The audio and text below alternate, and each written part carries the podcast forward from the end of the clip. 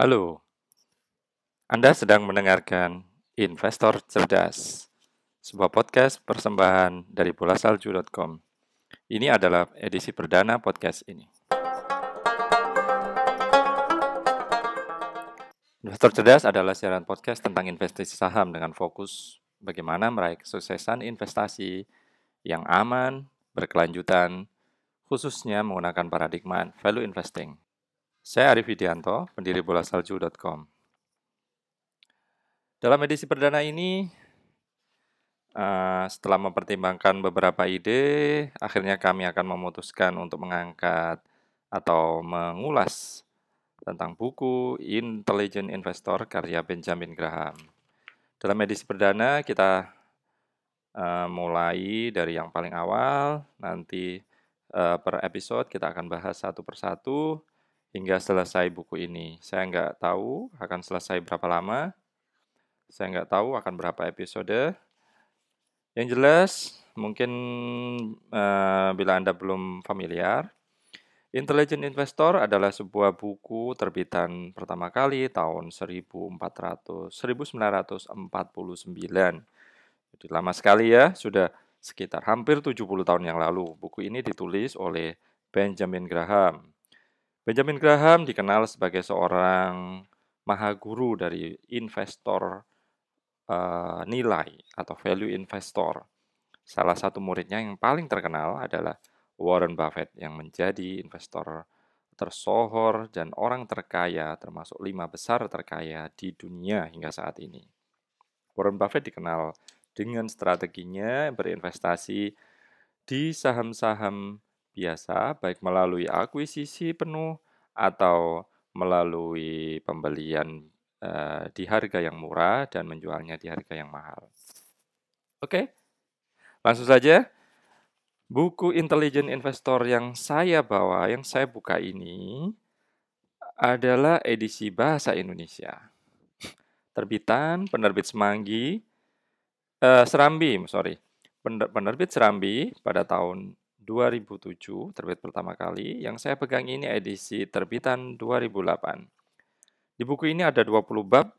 Nanti uh, Anda akan belajar tentang konsep-konsep investasi dari awal sampai akhir. Uh, nah, pada edisi pertama ini saya akan mencoba membahas uh, pendahuluan bab pendahuluan dahulu ya. Oke. Singkat saja. Uh, saya akan membahas kisi-kisinya, apa sih buku ini yang dia berusaha diangkat, apa tujuannya, bagaimana uh, kegunaannya untuk investor umum, ya seperti itu. Kata Graham, menurut Graham, buku ini untuk umum, awam. Uh, sehingga masyarakat bisa mengadopsi dan mengeksekusi suatu kebijakan investasi. Wah, keren ya. Jarang-jarang ada buku yang yang menjanjikan awam, setelah membaca langsung bisa. Anda nggak percaya? Ikuti saja podcast ini. Buktinya saya dulu membaca buku ini dan saya bisa me merasakan manfaatnya bahwa ternyata investasi itu seperti ini, bukan seperti yang dulu-dulu saya bayangkan. Oke. Namun, menurut Graham, buku ini bukan tidak akan membahas analisa sekuritas, analisa emiten, analisa saham secara detail. Tapi Buku ini lebih fokus uh, kepada prinsip investasi dan perilaku investor. Nah, ternyata ini juga jawaban dari apa yang selama ini sering ditanyakan orang-orang kepada saya. Banyak yang tanya, sebenarnya untuk investasi itu apa sih yang paling dulu mereka mereka bilang begitu. Menurut Graham, ternyata investasi yang paling penting adalah perilaku dan prinsip dasar. Itu saja. Nah, nanti uh, di buku, buku ini uh, menurut Graham juga akan akan membahas contoh-contoh singkat ya sekuritas tapi nggak banyak. Kemudian Anda akan menemukan kajian historis yaitu pola-pola pasar di masa lalu. Kalau ngomong pasar, kalau di Amerika ya bursa efek di Amerika atau ekonomi. Kalau di Indonesia, pasar adalah bursa efek Indonesia. Dengan mempelajari pasar, kita akan bisa melihat masa lalu, sehingga eh, harapannya ya kita akan bisa menelaah bagaimana kita bersikap di masa yang masa sekarang. Ini Ada kutipan Graham dari Santayana, mereka yang tidak ingat masa lalu akan dikutuk untuk mengalaminya kembali. Jadi paham ya? Oke. Nah, buku ini yang menarik, ya bagi saya buku ini yang membedakan dengan buku-buku investasi yang lain. Sangat jelas, kata Graham, buku ini hanya untuk investor, bukan spekulator. Nah, jelas ya? Apa bedanya? Sebenarnya bukannya investasi itu juga ada unsur spekulasinya, spekulasinya? Ya tentu saja. Uh, dalam kehidupan Anda juga ada, ada sedikit unsur spekulasi. Apakah saya memilih jurusan ini atau jurusan itu? Anda pasti ada sedikit spekulasi dalam kehidupan Anda. Ya, tentu saja. Namun, Graham menekankan buku ini bukan untuk trader yang lebih spekulasi, karena trader itu dipandu grafik, dipandu peralatan mekanis untuk menentukan momen yang tepat untuk membeli atau menjual. Kenapa berbeda? Ada yang bilang gitu. Ada yang bilang, dulu saya pernah ingat, hmm, apa pun namanya, mau trader, mau investor, yang penting bukannya dapat uang. Iya, tentu saja, semuanya. Semuanya mungkin bisa dapat uang. Cuman masalah besar kecilnya, masalah konsistensinya itu lain. Nah, ini ini sudah sudah di diperjelas oleh Graham di, di buku ini. Berbeda ternyata. Kalau pendekatan teknis, uh, pendekatan itu menganjurkan membeli saat suatu saham atau pasar meningkat. Namun, pendekatan teknis itu menganjurkan menjual saat suatu uh, harga saham menurun. Ya, jelas sekali kan berbeda. Berbeda dengan logika bisnis. Kalau logika bisnis, Anda mempunyai toko, uh, anda akan berusaha membeli barang semurah mungkin dan menjual uh, semahal mungkin. Itu logika bisnis. Begitu pula Anda mencari uh, mencari supplier, mencari vendor yang lain, mencari modal usaha. Anda akan mencari semurah mungkin sehingga Anda berharap bisa menjualnya di harga yang yang wajar atau yang lebih mahal sehingga keuntungan Anda meningkat. Tapi logika trader ini berbeda. Kalau mau naik, dia mau beli, kalau mau turun malah dijual. Itu sudah jelas sekali.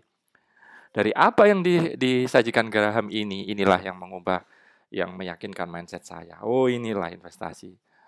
Ya memang uh, mungkin nanti akan mengundang perdebatan karena kenyataannya uh, di di dunia ini uh, penggemar trading itu jauh lebih banyak daripada yang yang pendekatan yang yang uh, seperti diyakini oleh Graham, dianjurkan oleh Graham ini. Graham sendiri menulis di sini uh, konsep seperti ini memang memang benar, tidak pop, tapi walaupun tidak populer, gila ya. Sudah 70 tahun, sudah ada orang yang sukses memberi contoh seperti Warren Buffett atau murid-murid Graham yang lainnya banyak sekali yang sukses yang nanti kita akan temukan di buku ini. Kita akan bahas juga di waktu-waktu ya episode-episode yang terakhir nanti ada bahasanya ternyata metode ini tidak populer.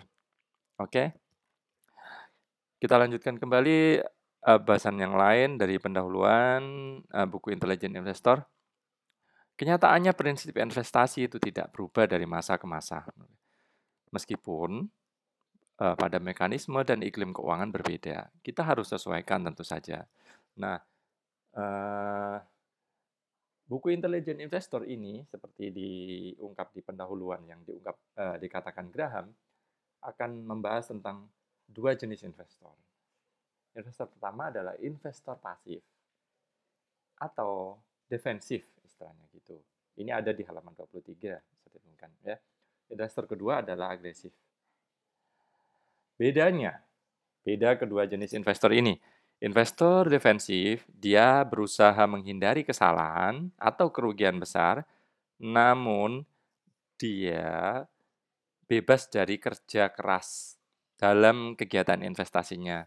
Dia bebas dari gangguan, dia bebas dari uh, keharusan membuat uh, analisa dan keputusan investasi yang terus-menerus. Itu investor defensif. Kalau investor agresif uh, adalah orang yang memang sudah sudah berusaha hidup menjadi investor. Dia akan mendedikasikan waktu, perhatian, sumber daya, dia akan berusaha memahami uh, ilmu-ilmu yang dibutuhkan untuk investasi, ilmu keuangan, ilmu akuntansi, bisnis manajemen, sehingga diharapkan perolehan investasinya lebih atraktif daripada rata-rata sekuritas lainnya. Sekuritas itu emiten ya, kita bisa. Oke, apakah cukup menarik? Semoga Anda tidak bosan, semoga uh, masih menarik topiknya. Ternyata menurut Graham ya, ini ini seni investasi yang sukses. Tadi udah dibilang tidak berubah dan kemudian Graham bilang adalah yang paling sukses adalah orang yang bisa memilih industri yang potensial untuk tumbuh di masa depan. Namun, it, meramal, memprediksi industri mana yang tumbuh itu tidak, yang tumbuh itu tidak mudah. Kasusnya ada di nanti dicontohkan di di teknologi. Kenyataannya banyak uh, analis pintar yang digaji uh, sangat banyak ternyata tidak bisa memprediksi hal itu. Maka lebih baik kita menghindari kalau tidak ada banyak uh, peluang untuk memprediksinya. Nah, sebenarnya apa yang ingin dicapai buku ini ya? Oke. Kita lanjutkan, buku ini akan membimbing pembaca menghindari berbagai area yang berpotensi menimbulkan kesalahan. Itu dua. Kemudian tadi psikologi investasi, psikologi investasi. Kemudian ketiga, eh, berharap menanamkan kepada pembaca kebiasaan mengukur atau menambahkan. Maksudnya gimana? Mengukur atau menambahkan yaitu apa yang Anda bayar, itulah Anda yang dapat. Apa yang Anda dapat, semua ada nilainya. Jadi, Anda berani membayar berapa, bandingkan yang Anda bayar dengan nilai yang yang ditawarkan. Begitu ya. Itulah inti investor nilai. Pada akhirnya nanti di belakang seni investasi adalah hmm, membeli hanya untuk saham yang harganya tak jauh dari nilai aktiva berwujudnya. Dengan cara begini saja, murid-murid Graham bisa sukses.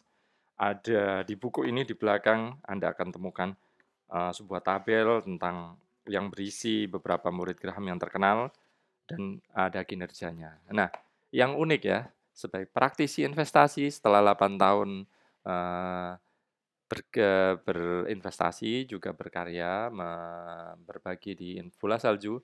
Sampai sekarang saya tidak menemukan ada seorang pun yang mengaku, seperti tadi dibilang Graham, mengaku trading, mengaku berdasarkan uh, teknis, technical, tidak ada yang berbagi kinerja investasinya. Itu kenyataan. Nah, menurut Graham siapa pun ya dengan membeli dan memiliki sebuah portofolio investasi investasi representatif, dia bisa dengan cara sederhana bisa menyamai kinerja rata-rata pasar. Sekali lagi tadi saya ingatkan, pasar di sini adalah bursa efek. Jadi kalau kinerja pasar adalah kinerja bursa efek. Kalau di sini digambarkan oleh uh, kinerja indeks saham gabungan. Bayangkan, Graham bisa men, semacam bukan menjanjikan ya, mengajari dan yakin seseorang yang mengikuti panduannya baik minimal defensif, metode defensif atau pasif, orang itu akan bisa mengikuti eh, kinerja pasar. Padahal kenyataannya memperoleh kinerja pasar itu tidak mudah. Uh, fund manager yang mengelola reksadana di Indonesia ataupun di mana saja ternyata hanya sedikit yang bisa melampaui kinerja pasar. Bayangkan, menurut uh, saya bisa menambahkan menurut sebuah riset uh, di bola salju, saya sudah terbitkan dari 10 saham, uh, reksadana saham yang kami teliti, ternyata hanya sekitar tiga tiga saham yang kalau kita pakai investasi berkala hanya tiga reksadana saham yang kinerjanya bisa mengalahkan inflasi. Bayangkan hanya inflasi, ini belum tadi ngomong kinerja pasar ya. Hanya tiga. Ternyata sedikit sekali. Graham, dan saya pun yakin, saya sudah membuktikannya dengan diri saat itu juga, orang biasa dengan memakai prinsip-prinsip yang benar, mengikutinya, dan memilih-milih saham serta bekerja secara disiplin, dia bisa mengalahkan atau menyamai kinerja pasar atau inflasi kalau dalam penelitian saya tapi di sini pasar bisa bisa diuji. Oke. Kemudian terakhir pada tahun 72 ya setelah 57 tahun karir Graham berinvestasi di pendahuluan ini diungkap setelah mengalami mengalami bermacam-macam gejolak dan kejatuhan pasar di masa Graham dia sudah mengalami uh, ada masa depresi tahun 30-an. Kalau di sini dulu dikenal zaman Malais, Malais, Malaysia, zaman Melas katanya dia mengalami dua perang dunia. Nah, kejadian-kejadian seperti itu, depresi besar, perang dunia, itu kan tidak bisa dicegah. Nggak ada seseorang yang bisa meramalkan kejadian itu. Bahkan walaupun uh, mereka itu ahli politik, ahli ekonomi dunia, nggak ada yang bisa meramalkan itu akan terjadinya kapan. Nah, namun dengan tetap uh, sekarang kita refleksi kita balik, bagaimana Sosok kalau jika nggak ada orang yang bisa meramalkan kejadian penting seperti itu, yang bisa mengganggu keuangan kita semuanya, lalu bagaimana kita bisa sukses berinvestasi? Pertanyaan pentingnya kan? Kenyataannya, ternyata tetap kita bisa pastikan prinsip-prinsip investasi yang kokoh biasanya akan menghasilkan uh, return atau pengembalian yang memuaskan. Oke, okay? uh, eh, mungkin kita sudah hampir di akhir episode ini, uh, saya perlu baca catatan terakhir. Buku ini tidak ditujukan bagi kebijakan keuangan uh, penabung dan investor secara keseluruhan. Maksudnya, bu, buku ini tidak membahas strategi ya, strategi keuangan umum, yaitu deposito, tabungan, asuransi jiwa, atau perencanaan keuangan nggak ada. Buku ini uh, tentang kebijakan investasi efek atau sekuritas yang bisa dijual belikan dan ditebus kembali. Saya rasa itu dulu uh, saya berharap Anda bisa mengikuti podcast ini. Jangan lupa langganan, jangan lupa berbagi kepada orang-orang yang Anda kenal yang barangkali tertarik dengan uh, podcast ini. Kita akan bahas buku menarik ini, Intelligent Investor, ini adalah buku yang mengubah, memberi saya paradigma kokoh. Bagaimana, nggak hanya saya ya, semua investor cerdas di dunia ini memberi paradigma kokoh bagaimana berinvestasi yang yang aman, yang tenang dan sukses. Jangan lupa ikuti uh, website bolasalju.com, silahkan dibuka. Bola Salju menyediakan edukasi sejak 2010 saya, Arif Widianto, uh, adalah pendiri Bola Salju. Saya latar belakangnya uh, penulis, uh, bukan penulis, ya saya hobi menulis. Saya latar belakangnya adalah orang teknologi, programmer, dan desainer. Kemudian saya menemukan buku ini, saya tertarik dengan dunia investasi, kemudian saya curahkan uh, apa yang saya pelajari sambil berbagi di bolasalju.com sejak 2010. Ada banyak artikel edukasi di sana, Anda bisa mempelajarinya gratis, atau kami juga menyediakan jasa komersil uh, berupa ide investasi saham sejak uh, uh, Maret, uh, April, sorry, sejak April Mei tahun ini. Kinerja kami terukur, bisa dipantau, pelanggan bisa meneliti uh, saham-sahamnya. Sekali lagi, investor nilai tidak takut untuk diukur kinerjanya. Semoga Anda menikmati uh, itu sekilas sponsor, barangkali Anda tertarik. Saya yakin uh, podcast ini masih banyak kekurangan. Podcast ini masih sederhana, direkam dari peralatan yang apa adanya.